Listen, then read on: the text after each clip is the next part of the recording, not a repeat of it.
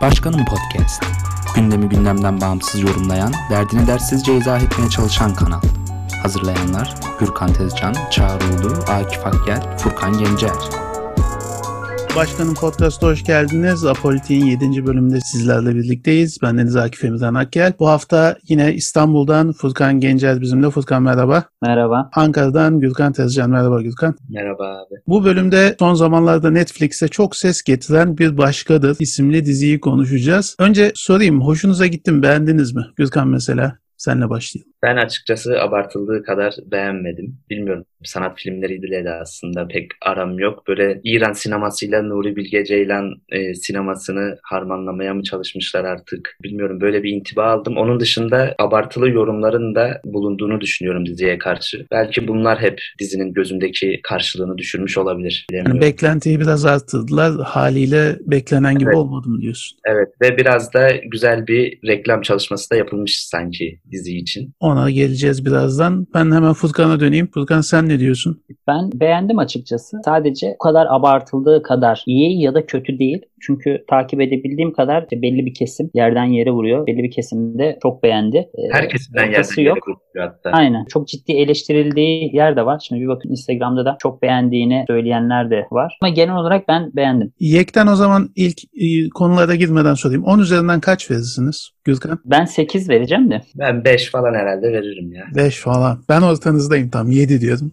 O zaman şöyle gireyim. Mesela diğer dizilerden bence hani biraz da farklı olarak bu abartılı drama olmaması belki çok hoşuna gitti insanların ya da mesela çok daha sessiz bir dizi. Bizim dizilerde biliyorsunuz çok fazla müzik var, çok aşırı drama var falan. Hani sinema filmi görüyorduk da Gürkan'ın bahsettiği gibi sanat filmi ama şey görmüyorduk pek. Dizi görmüyorduk bu tarzda. İşte web'in böyle bir faydası oldu. Bir de herhalde e, karakterler biraz sıra dışı olduğu için hem seküler tarafta hem dindar tarafta. Çünkü dindarlar olarak biz al- alışıyoruz hani böyle bir aşağılanmaya işte yok kötü hoca, üçkağıtçı madrabaz ne bileyim hep sürekli bir sahtekarlıkla anılırken burada öyle bir tipleme yok. İnsanlara bir çekici gelmiş olabilir yahut tam aksine hoşuna gitmemiş olabilir. Seküler tarafta da ya da vaaz edilen bir yaşam tarzı, bir dünya görüşü hep ön plana çıkarılır, olumlu gösterilirdi. Burada onun olumsuz tarafları ya da zaaflarına da değinildi. O konuda mesela Gürkan ne demek istersin? Evet hoca böyle diğer yapımlarda olduğu gibi kötü vesaire gösterilmiyor ama yine bir şey de var. Ee, özellikle o Meryem'in abisi e, sürekli her konuda hocaya danışılması gerektiğini, hocanın, hocanın sözünden dışına çıkılmaması gerektiği gibi çok fazla telkinde bulunuyor. Yeri geliyor çok sinirleniyor. Ama bilmiyorum bunlar da İstanbul'da yaşıyor diyebiliyoruz. Gerçi köyde yaşıyorlar yine ama köy diyebileceğimiz bir yerde. Yani Anadolu'da dahi böyle hocalara, imamlara karşı e, hürmet bayağı az seviyelerde bence. Bilmiyorum o bile abartılmış bence. Biraz anakronik diyorsun. Evet. O hoca şeyi bana direkt e, yabancı dizilerdeki rahibin, papazın gelip böyle yol gösterici biri olması gibi bir şey. Batı filmlerinden arak gibi bir şey olmuş. E, tabii ki bizde de yani bizim cemaat toplumunda da hocanın bir önemi vardır ama yani böyle bir yol göstereyim sürekli işte burnunun dibinde biten bir hoca e, çok fazla olmaz. Uzak kaldıkları için e, aslında o kesime biraz abartılı yorumlamışlar, abartılı katmışlar o hoca figürünü. Tamam kötü göstermişler belki hatta sonunda yine kızına hiçbir şey demiyor aldığı kararlara karşı ama yine de bence biraz uzak kalmışlar gibi. E, 81 yapım bu Kemal Sunal'ın bir üçkağıtçı filmi vardı. Bir dönem oturup tüm Kemal Sunal filmlerini kronolojik olarak baştan sona tekrar izledim. Orada mesela o dikkatimi çekmişti. Normalde işte darbe öncesindeki filmlerde böyle hep şeyhler, hocalar kötü karakterken bu filmde mesela e, bir Diyanet imamı vardı. Bir de e, sahte şeyh vardı mesela. İşte sahte şeyh yağmur duasına falan götürüyor milleti. Diyanet imamı Murat Hoca ama Kemal Sunal'ın karakteri Rıfkı diyor ki hani ben onları anlattım yağmur nasıl şartlarda yağar falan. Hani burada bir yine e, ikili bir şey çizmişler. Yani iyisi de var kötüsü de var gibi. Peki burada mesela seküler kanattan gelen eleştiriler noktasında ne dersin Furkan? Ya aslında şöyle bir söz var. Amerikan Patent Başkanı demiş ki icat edilecek başka ürün kalmadı 1800'lerin sonunda. Aslında bu bir başkadır dizisi üzerinde söylenecek çok söz kalmadı çünkü e, günlerdir, haftalardır her yerde yazı çıkıyor. Genel olarak e, diziye baktığımız zaman dizi gerçekten bir Türkiye alegorisi mi? Bunu bir sorgulamak gerekiyor. Çünkü e, sinemada, televizyonda eserler bir şey anlatmak ister. Bir alegorisi vardır, bir metaforu vardır. Bu dizide de e, bir Türkiye alegorisi amacıyla yola çıkılmış. Yani bunu gözlemleyebiliyoruz. Bütün karakterlere baktığımız zaman da Türkiye'den belli kesimleri, belli konuları, belli faaliyetlerini temsil ediyor. E, bu laik kesimin ya da işte seküler kesimin bu kadar rahatsız olmasının nedeni e, Türkiye'deki son yıllardaki dönüşümün içinde olduklarını düşünüyorlar. Yani biz bu şeyin içindeyiz. Aslında bizden bu bu kadar bağımsız bir konu yok. Buradaki karakterlerin hepsi kendi cemaatlerinde, kendi böyle kesimlerinde yaşayan insanlar. Birbirleriyle olan iletişimi sadece çalışma ortamı. Mesela Meryem karakteri o seküler cenahla nerede tanışıyor? İlk önce dizilerde tanışıyor.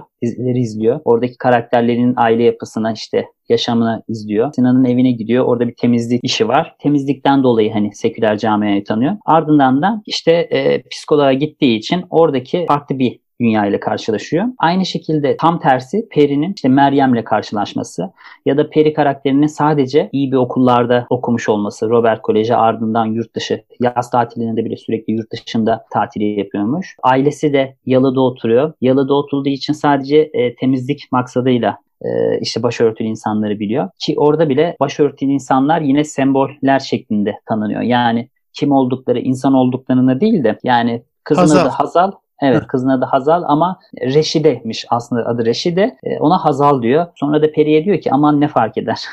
Aynı hepsi şey Hazal. Diyor. Evet. E, burada sadece biraz işte o kesimin fazla karikatürizesi var. Yani Yalı'da yaşayan aile de baba Yılmaz Özdil okuyor. Facebook'tan bir şeyler paylaşıyor işte bir başörtülü koydular diye sitem ediyor dizilere. İşte orta sınıf az. E, yalıda oturan insan o şekilde olmaz yani özetle ama e, o, onu yalıya yerleştirmiş. Evet orada işte karikatür karakterler. Yani aslında ben tam tersi Gürkan biraz daha dedi ki o camiayı bilmiyor ama bence Berkun Oya daha çok muhafazakar camiayı çalışmış. Ama daha böyle düşük alt sınıfı. Yani hani 2018 yılında 2019 yılında geçtiğini söylüyor orada Meryem e, Hilmi'ye. Diyor ki 2019 yılındayız işte o da 2018 olduğunu sanıyor. Ama ben bu dizinin de zaman üstü olduğunu yani genel olarak Türkiye'deki son yıllardaki 2000 sonrası dönemdeki değişimi ele aldığını düşünüyorum. 2000 sonrası da değil daha doğrusu 90 sonrası diyelim. 80 sonrası da olabilir. Göç sonrası farklı cemaatlerin bir arada yaşayan mahallelerin bir araya gelmesini temsil ediyor. Kutuplaşmanın ne ölçüde olduğunu, kutuplaşmanın çözümünün çok basit bir şey olduğunu,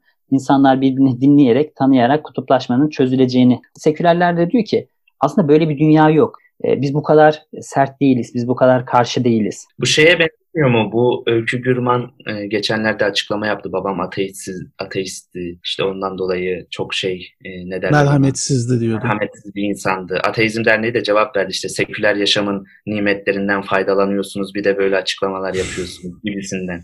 Sekülerlerin e, diziye tepkisi de acaba bu yönde mi? Ya beni biraz şey e, tarafı mesela bu konuda e, herhalde rahatsız edici bulduklarını düşündüm. Hani Peri'nin bir repliği var. Şey diyordu yaşayamadığım duyguları yaşıyormuş gibi taklit etmekten sıkıldım diyordu. Bu şeyin çok hoşuma giden parçası var.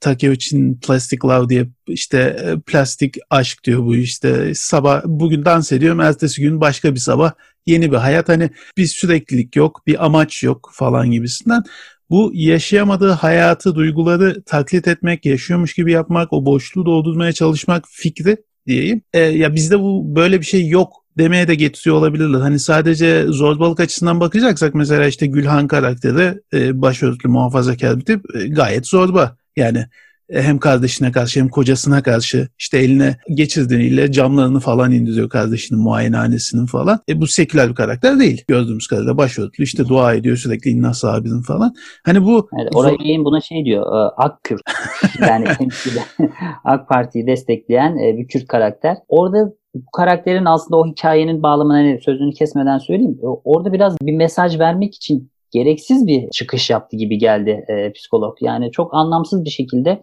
e, işte annenin karnını tekmeleyen kişilerle birliktesin şu an dedi. O da daha önceki tartışmada e, işte senin arkadaşların da dağda dedi. Aynen. Ya bu işte güya birisi dediği gibi AK Parti'ye yakın Kürt işte öbürü e, HDP'ye yakın Kürt. ikisi kardeş. E, birbirlerine düşman kardeşler falan gibi. Ya bu e, anlatı içerisinde hoş görülebilir ama hani e, çok gerçekçi olmasını beklemeyeceğiz. Bir de Gürkan Nazar bahsettiği hani Türkiye'yi temsiliyet meselesi var ya. E şimdi burada her karakteri de temsil edemezsin. Yani o da çok güç. Mevcut olanlar içerisinden seçmiş. O seçtikleri içerisinden işte bir çeşit e, denk gelmelerle, rastlantılarla bir ağ kurmuş. Ki bu da zaten hani o, o çok olamayacak bir şey. Eğer sadece buna bakacaksak. Yani bu kadar farklı insanların birbirine rastlaması da çok güç bir şey.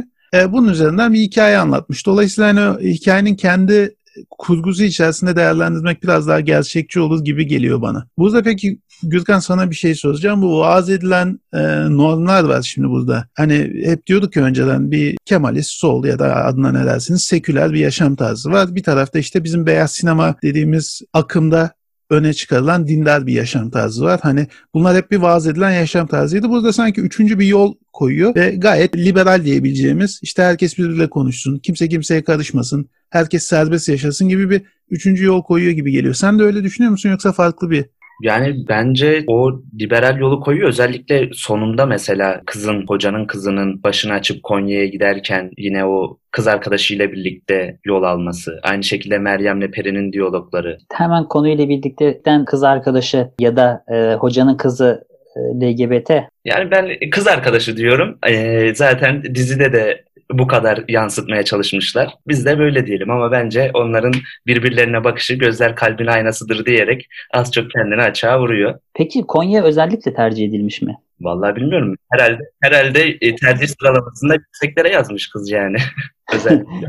yani şöyle bir şey hani Türkiye'de en muhafazakar olarak temsil edilen il e, Konya diyebiliriz. Yani Konya olduğu evet. için Konya'ya giden öğrenciler bile orada aynı şekilde kozasından çıkıp daha farklı görüşleri benimseyebilir mi? E, ya benimseyebiliyor. Türkiye artık çok değişti demek istiyor belki de. Konya Türkiye'nin en büyük öğrenci mahallesine sahip Bosna Mahallesi ve o Bosna Mahallesi bambaşka bir yer yani öğrencilerin orada yaşayışları vesaire. Kendi gettolarını mı? Evet. Ama Konya tabii gerek işte sosyal medyada görüyoruz e, işte ne bileyim seküler cenah vesaire Konya'ya bakışı az çok ortada yani. Belki bu sebeple de Konya zikredilmesi zikredilmiş olabilir yani. Burada da bu Konya'nın tercihindeki hani bir uç olarak görülmesi kadar mesela işte e, onun babasının imam olması da bence buna benzer bir uçtu. Orada e, bahsettiğimiz ya da en azından benim gördüğüm kadarıyla bu üçüncü yola, üçüncü yolun ideal imam tiplemesi nasıl olur gibi bir şey olmuş burada. Evet, işte tam olarak o hoca, hoca da en çok onu yansıtmışlar bence. İdeal Müslüman işte hani başına açtığında kızı herhangi bir şekilde onu ikna etmeye çalışmıyor ya da e, bir şey e, nasıl diyeyim olumsuz olumlu herhangi bir tepki göstermeden çok çabuk kabullenebiliyor. Hani ya da mesela şey sahnesini hatırlarsınız e, eşin e, öldüğü sahneyi. Orada mesela önce bir ileride bir grup gence bakıyor Bunlar biraz da hoşnutsuz sanki izliyor. Hani böyle malayan işlerle uğraşan bir grup genç var. Fakat bir anda e, yardım ihtiyacı duyduğunda o gençlere falan sesleniyor hemen. Gençler gelin yardım edin gibi. Şimdi bu tarzdaki işte şeyler diyelim ya da e, gülme analojisi o hani e, Nurettin Yıldız'dan o da araklanmış. E, orada da şey yine ilginç. Aklımdayken hemen söyleyeyim. Hem e, Meryem'e hem abisine yani herkese ama diyor aynı şeyi sunuyorsun diyor. Yani aynı çözümü sunuyorsun gibi. O da çok ilginçtir. Yalnız burada işte o hoca karakteri e, bu bahsetmeye çalıştığım üçüncü yolun ideal tipi gibi sunuluyor. Bana en azından öyle geldi. O üçüncü yola en çok e, yine sekülerler tepki göstermiş. O Periyan Maden'in yazısında da mesela. Periyan Maden şeye bile e, tahammül edemiyor. Hatta o kısmını e, hemen kısaca okuyayım. Diyor ki Diyanet'in bütçesi Milli Eğitim'in Sağlık Bakanlığı'nın 10 ya da 50 misliyken Ali Erbaş beyaz üstüne beyaz işli entazisi ve kılıcıyla bir değil iki kez Ayasofya fetih ayini gösterisi yapmışken bir dizide harbiden bir değil iki hocaya gerek yok diyor. Yani bu üçüncü yola niye en çok bu cenahtan tepki geldi. Yani mesela muhafazakarlar bu hocayla hiçbir alıp veremediği olmadı benim gördüğüm kadarıyla. Hatta hoca da değil sadece. Bu arada muhafazakar karakterlerden Yasin de aynı şekilde değişime uğrayan evet. isimlerden birisi. Mesela eşinin yaşamış olduğu duruma rağmen normalde muhafazakar dindar olsaydı hayır ben böyle bir şey olmaz diyebilirdi ama o da kabul ediyor. Yani genel olarak her karakterde bir değişim var. Yani Türkiye'deki değişim gibi. Zaten biz orada e, dizi izlerken hani biraz sinematografisine çok girmiyoruz ama işte artık şehirlerin işte gökdelenlere dönüşmesi, İstanbul şehrinin içinde yaşıyorlar ama Yasin'le Meryem daha farklı köy gibi bir hayatta yaşıyorlar. Ee, sürekli bir değişim var Türkiye'de. Bu değişimde buradaki her karakter değişiyor dizinin o 8 bölümlük dizi olmasına rağmen 8 bölümde de bir değişim var. Değişmeyen bir tane karakter görmedik. Sinan da değişime uğruyor. E, Meryem de aynı şekilde değişime uğruyor. Sinan nasıl bir değişime uğruyor? Yani o adam niye bir anda derbeder oluyor, yıkılıyor? E, bu spor salonunda kendisi hakkında işte ya bu adam boş, herhangi bir şey yok hayatında. E, anlatacak bir şey yok, boş boş bakıyor denmesi. Ben orada biraz da Sinan'ın şey meselesine de hani psikolojisiyle alakalı da bir noktanın daha sonra dikkat çekildiğini gördüm. Hani babasıyla ilişkisi kötü, annesiyle ilişkisi de çok kötü. Hatta bu modern psikolojiden şey denir çocukken anneyle iyi ilişki kuramayan erkeklerin büyüdüğünde cinselliğe olan düşkünlüğünün daha fazla olacağına dair hani tezler var. E, bu tez mesela Sinan da işlemiş. Yani o hani sevgiyi alamamış. Bu yüzden sadece hayatı buna dönük. Bir de zaten e, meslek olarak da hani gördüğümüz kadarıyla bu DJ'lik yapıyor. Gece hayatıyla hayatını kazanıyor diyelim. E, dolayısıyla hani e, o boşluğu e, dolduracak bir şey arıyor. Dönüşüm eğer olmuşsa da en fazla bu sebepten olmuştur. Bir de dizide görülmeyen hep genelde insanlar politik e, düzlemde bakıyor. işte sağcı, solcu, seküler, muhafazakar ama bir de kuşak çatışması sorunu var. Aslında dolayı da aslında Sinan da bu konudan muzdarip. Çünkü Sinan'ın ailesi daha böyle mütasip, kendi halinde yaşayan belli ki annesinden de görüyoruz bir aile. Ama Sinan e, loftlarda işte rezidansta yaşayan birisi. Peri'nin mesela muhafazakarlarla iş hayatında tanışması ama annesinin sadece e, hizmetçilerle başörtülü insanlara tanışması. Aynı şekilde bu diğer psikolog Gülben olması lazım. Gülbin. Gülbin. Gülbin'in mesela annesi, e, babası Kürtçe konuşuyor. Baba 12 Eylül büyük ihtimal mağduru olabilir. Yani tırnakları çekilmişti bir yerde gösterilmiş. Yine birbirleriyle aile olarak e, kuşak çatışması var anne babayla. Yani dizideki her karakterin bir kuşak çatışması sorunu yaşıyor. Bunu yaşadığı için Sinan mesela bunu örneklerden biraz daha aslında Sinan bence hani dolgu malzemesi gibi kullanılmış ama Türkiye'de böyle şehir hayatında yaşayan işte loftlarda, rezidanslarda yaşayan tipler var. Bu tipler de geçmişte işte ailelerinden şu an bağı koparmış. Eve gittikleri zaman ailelerine dair herhangi bir şey bilmiyorlar ama orada ne buzdolabında babasıyla olan resmiyle karşılaşıyor. Babası da sakallı bir adam. Belki de Sinan da büyük ihtimal muhafazakar geçmişe sahip birisi. Burada şey de ilginç mesela hani sınıf atlama mevzunda iki türden bahsedilir de işte bir gelir düzeyinin artması için dikey sınıf atlama işte Buna bağlı olarak da yaşadığın yeri konumu değiştirme, daha iyi bir muhite taşınma meselesi de yatay sınıf atlama diye geçer. Sinan'da mesela buna benzer bir yatay sınıf atlama mevcut. Çünkü ailesinin ya da annesinin kaldığı eve baktığımızda son derece nasıl diyelim e, daha düşük prekar hani bir yaşam tarzı var. Ama Sinan'ın kendi yaşadığı yer görece tabii daha üst düzey diyelim. Burada bir başka yüzleşme meselesi vardı işte mesela Ruhiye'nin hani köye gitmesi. Burada yine bir psikolojik olarak ondaki dönüşümü izledik. Bunun iyi gelmesi. Hani hep nihayetin nihayetinde tüm bu şey süreç boyunca herkese bir şey iyi geliyor. Yani dizinin sonuna doğru giderken herkesin bu iyileşmesi, sağalması, bir şeylerin iyi gelmesi, bunun da konuşmayla, yüzleşmeyle vuku bulması sence neye tekabül ediyor? Abi ben bunu dediğim gibi eğer Türkiye alegorisi olarak alırsak bu Türkiye'deki değişimin e, bir temsili. Muhafazakarlar da sekülerler de değiştiği müddetçe e, bir şekilde birbiriyle yaşamayı öğrenebiliyor. Teması var zaten hani yönetmenin yapmak istediği. Buradaki her karakterin Meryem mesela psikoloğa gidiyor bir iyileşme sürecine giriyor. Geçmişiyle yüzleşip geliyor yani. Tabii ama e, burada değil. burada eşini Yasin göndermiyor psikoloğa ama kardeşini yolluyor. Eşi de daha farklı bir şekilde kendi değişimini değişimine yol açıyor. Yani buradaki her karakterin işte Sinan'ın da onları duyduktan sonraki değişimi, Gülbin'in ablasıyla tartışmadan sonra e, biraz değişimi, Peri karakterinin zorlanarak da olsa, ağlaya ağlaya da olsa bir şekilde Meryem karakteriyle iradesine verdikten sonra mesela börek e, mevzusu getirebilirsin dedi. Onu yaptıktan sonra biraz biraz iyileşmeye başlıyor her karakter değişiyor ve Türkiye değişiyor. Türkiye'deki değişim mekansal olarak da görebiliyoruz. Binaların işte gökdelenlere dönüşmesi, yoğun bir kalabalığın olması. Ben bir soru sorayım o zaman bunun üzerine ikinize de. Oyuncular e, T24'ün bir yayınına katılmışlardı. Birbirimizi sevmeyi unuttuk Türkiye'de demişlerdi. Buna katılıyor musunuz? Yani bu dizi bunu yansıtıyor mu bize? Birbirimizi sevmeyi unuttuk da aslında bu dizide sonunda hani demin açıkladığınız gibi bir şekilde birbirimize iyi gelebildiğimizi, bir şekilde her karakterin bir ilacını, tedavisini bulabildiğini mi görüyoruz bu dizide? E, dizideki anlattığı ama gerçekte olan o muydu ben o konuda şüpheliyim. Yani en azından bahsettiğimiz döneme dair o söyleşiye katılanlar geçmişte işte biz birbirimizle konuşuyorduk. İşte şimdi birbirimizle konuşmayı, anlaşmayı unuttuk falan diyorlar. İdeolojik olarak bakarsak bu Alatlı'nın şey benzetmesi vardı işte Türkiye'deki sağ ve sol için affedersiniz at eşek benzetmesi bundan doğan katır. Dolayısıyla kısır. Yani bunlardan işte orta yolu, üçüncü bir yol olarak çıkan ne kadar e, siyasi hareket varsa kısır kaldı diye. Bu siyasi tarafı. Sosyolojik tarafına bakacak olursak da ya bizim e, birbirimizle konuşmamız için bir aynı ortamda bulunmamız lazım. Biz aynı ortamda zaten değildik. Öte yandan işte 70'lerde de keza öyledir. Filmlere bakarsınız aile filmleri işte e, neşeli günler falan ne kadar güzel sıcacık falan dersin. 70'te sokakta insanlar peynir ekmek gibi e, şey yapar gibi adam öldürülüyordu yani. Keklik bulu gibi adam öldürülüyordu. 90'larda da çok farklı değildi bu. Beyaz Toroslar, faili meçhuller, işte %70 hedef, hedeflenen enflasyonun %100 yıl sonunda çıkması. Yani özlenen şey hakikaten e, bu muydu yoksa mesela kendi adıma söyleyeyim ben 90'larda çocuktum sorumluluğum yoktu tek derdim işte sabah e, çizgi film saatini kaçırmamaktı. Eğer özlediğiniz buysa e, amenna ama o dönemki hayatın çok daha iyi olduğunu öne sürüyorsanız ya bu büyük bir hayal öyle söyleyeyim. Bir de şöyle bir şey var dedin ya abi bir araya gelemiyordu bile bu iki kesim. Yok mümkün Hayatın değil. hiçbir alanında. Şimdi 2000'lerden sonra hayatın her alanında bir araya gelmeye başlamaları, muhafazakar kesimin daha çok öne çıkması en çok seküler kesimi rahatsız etmişti. Ve bu zamana kadar hep bunun eleştirilerini, amiyane tabirle bu zamana kadar hep bunun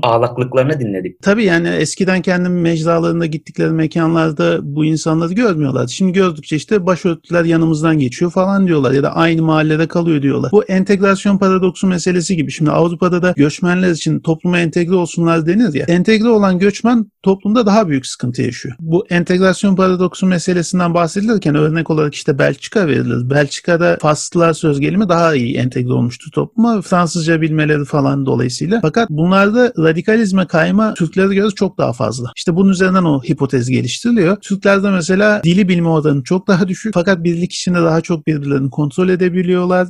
Dolayısıyla radikal akımlara katılma, karışma olayı da daha az. Fakat Faslılar içerisinde mesela bu insanlar daha fazla ayrımcılığı daha iyi hissedebiliyorlar. O nüansları, o ufak farkları daha iyi e, anlayabiliyorlar. Dile daha iyi hakim oldukları ya da toplumla daha çok iç içe yaşadıkları için. Şimdi böyle bir paradoks durumu var entegrasyonda da. Ne kadar çok iç içe olunursa o kadar çok her iki tarafında, sadece bir tarafın değil her iki tarafında karşılıklı olarak birbirine karşı ön yargıları, olumsuz gördükleri artık her neyse bu daha fazla açığa çıkabiliyor. Açığa çıktıkça da tepki çok artıyor. İşte bizim anonim olarak sosyal ağlardaki bu aşırı yorumların ortaya çıkış sebebi de biraz öyle. Hani bunu belki yüz yüze çıkaramıyor ama o ortamda çıkarabiliyor. Bunu gördükçe bu sefer sen de keskinleşiyorsun. Yani ne kadar e, önceden yan yana gelmeyen insanlar işte internet üzerinden yan yana gelebiliyor. O dizide mesela e, fiziki olarak yan yana gelebiliyorlar. Bu temasların bizim uçlarımızı törpüleyeceğini ben çok fazla düşünmüyordum hatta. Öyle söyleyeyim en son oraya bağlayayım. Hani o iyiye yoruyor ya işte konuştukça, e, görüştükçe birbirimizi daha iyi anlayacağız, daha iyiye gidecek ya her şey güllük gülistanlık olacak. Aksine biz tanıştıkça, görüştükçe, daha çok iç içe yaşadıkça o uçlar törpülenmiyor iyice sivriliyor. Ondan sonra işte bu son zamanlarda daha çok dile getirilen efendim kutuplaşıyor muyuz meselesini evriliyor. Yani bu kutuplaşmada bu temasın artmasının bence etkisi var. Evet. Aslında gri alanlar var. Yani öyle iki ucun bir araya gelmesi için bir ortak masada buluşmak değil yani sadece. E, dizinin 80'ler 90'ları eskileri övdüğünü değil de bizi bir arada tutan şeyleri e, gözümüzün önüne sokmasını gösteriyor. O eski görüntülerle, eski şarkılarla e, biz bir arada yaşıyoruz. Bu topraklar üzerinde yaşıyoruz. İşte Mahsun Kırmızıgül'ün dediği gibi bu kavga ne diye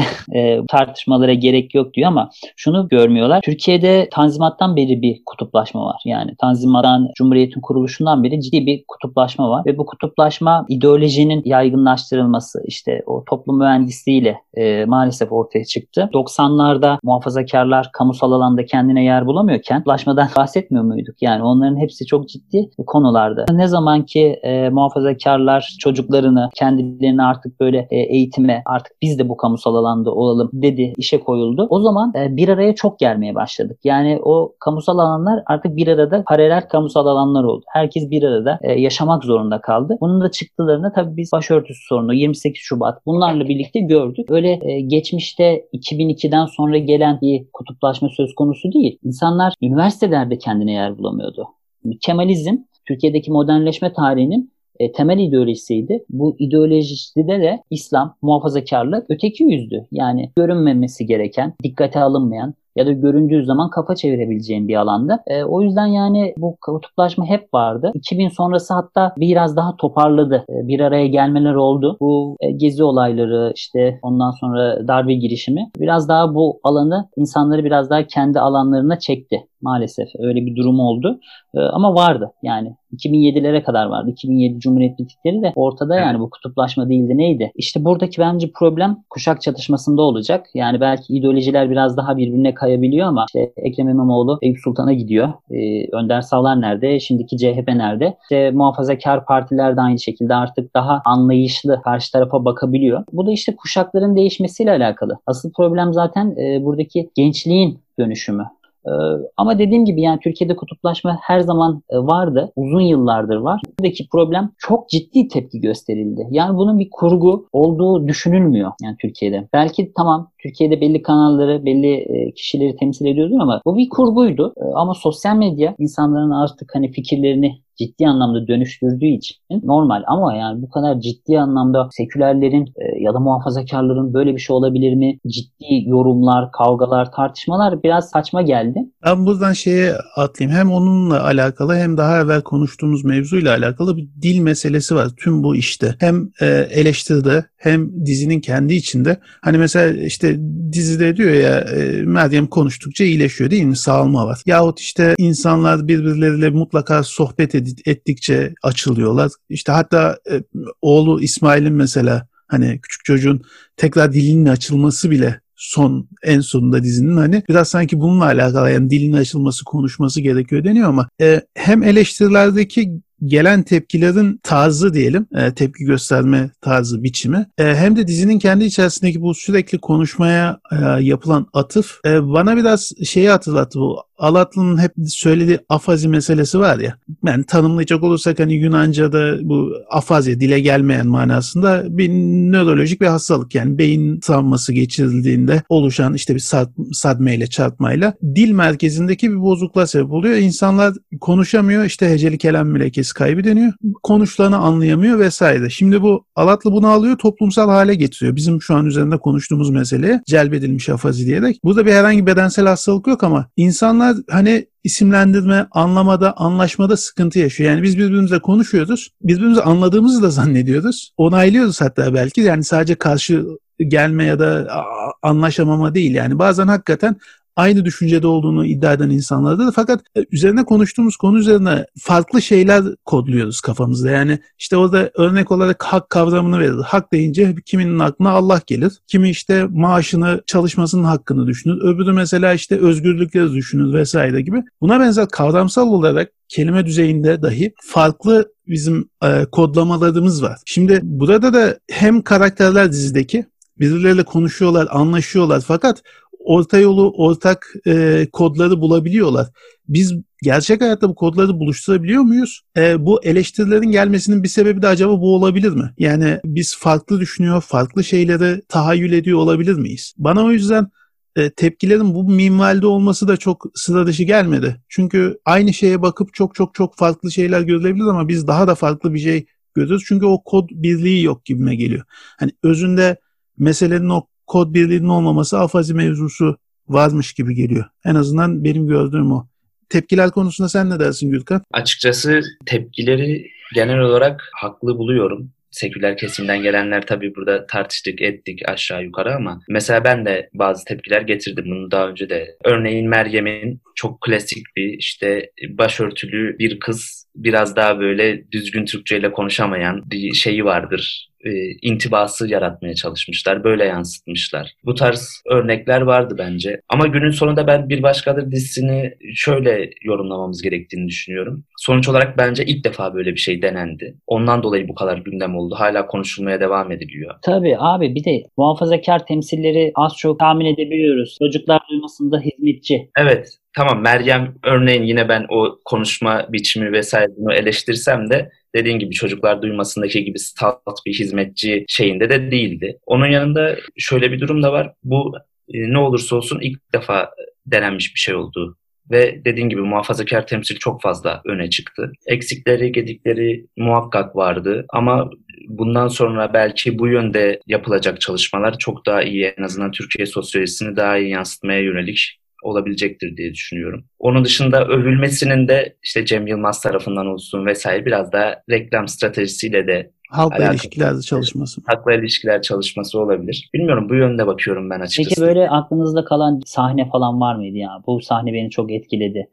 Ee, mesela hocanın e, metaforu e, anlattığı işte dünya hayatına dair e, hikaye çoğu insanda etkilemiş. Mesela orada ben e, orada bir ayrıntı e, gördüm. Bilmiyorum belki uydurma olabilir. Hoca diyor ki çiçeği verdikten sonra haplar var diyor. O haplar bu çiçeğin uzun süre yaşamasına neden oluyor. Onları da atmayı ihmal etme diyor. O konuşma da zaten Meryem'in psikoloğa gitmesiyle alakalı bir konuydu. Yani aslında hoca da o dünya hayatına düşebiliyor gibi geliyor. Yani oradaki haplar eğer mesela psikiyatrinin verdiği ilaçlarsa Bu şeyle alakalı olabilir. Peki mesela e, Gülben'in kardeşine e, şey verdiği, esrar verdiğine dair diyelim bir e, nasıl diyeyim bir e, izlenim sunuyor. Yani direkt o şekilde söylemiyor ama hani o tarzda A- A- Amerika'da da şu an son seçimlerle birlikte birkaç yerde de konuşulmuştu. E, tıbbi anlamda esrarın kullanımının serbest bırakılması meselesi gibi. Fakat orada e, Gülben'in kız kardeşi Gülen mesela çok sert tepki göstermişti. Yani kavga sebepleri de oydu ilk başta. E, hocanın hani o e, hap meselesi e, yani gerekli görüldüğü hallerde helal olmayan bir şeyin tedavi için kullanılabileceğine de bir atıf olabilir mi Furkan sence? Sen söyleyince şu an aklıma geldi yani. Ben de şu an şu anda da fark ettim.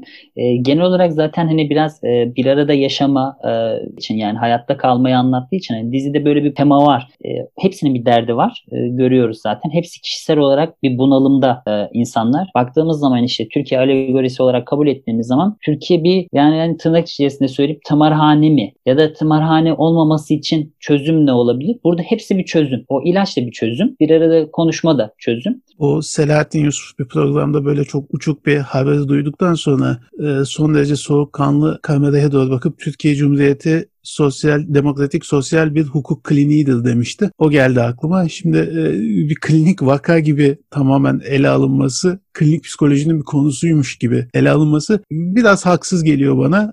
Doğru tarafları da var, biraz haksız Tabii tabii. olduğunu da söyleyebiliriz. Peki o zaman son olarak eklemek istediğiniz bir şeyler var mı Gürkan? Yani benim e, demin de aslında az çok dediğim gibi bu bunun özellikle ilk defa böyle bir yapıt karşımıza çıkması belki bu kadar üzerinde konuşmamıza sebep oldu. Sinematografik anlamda tabii konuşmadık ama evet güzeldi. Çekimler olsun, oyunculuklar olsun. Ben ilk izlediğimde de bu yorumu sizlerle paylaşmıştım. Sanki böyle bir İran sinemasıyla bir Nuri Bilge Ceylan sineması sanki bütünleşmiş gibiydi bir yerde de. Bu manada güzel bir yapımdı evet ama bence yine de gerçekten çok ciddi eksikleri vardı. Burada da zaten üzerinde bolca durduk. Güzel de bir aslında tartışma oldu. Verimli bir yayın olduğunu düşünüyorum. Yani söylenecek her şey söylenmemiş. Patent Enstitüsü Başkanı gibi.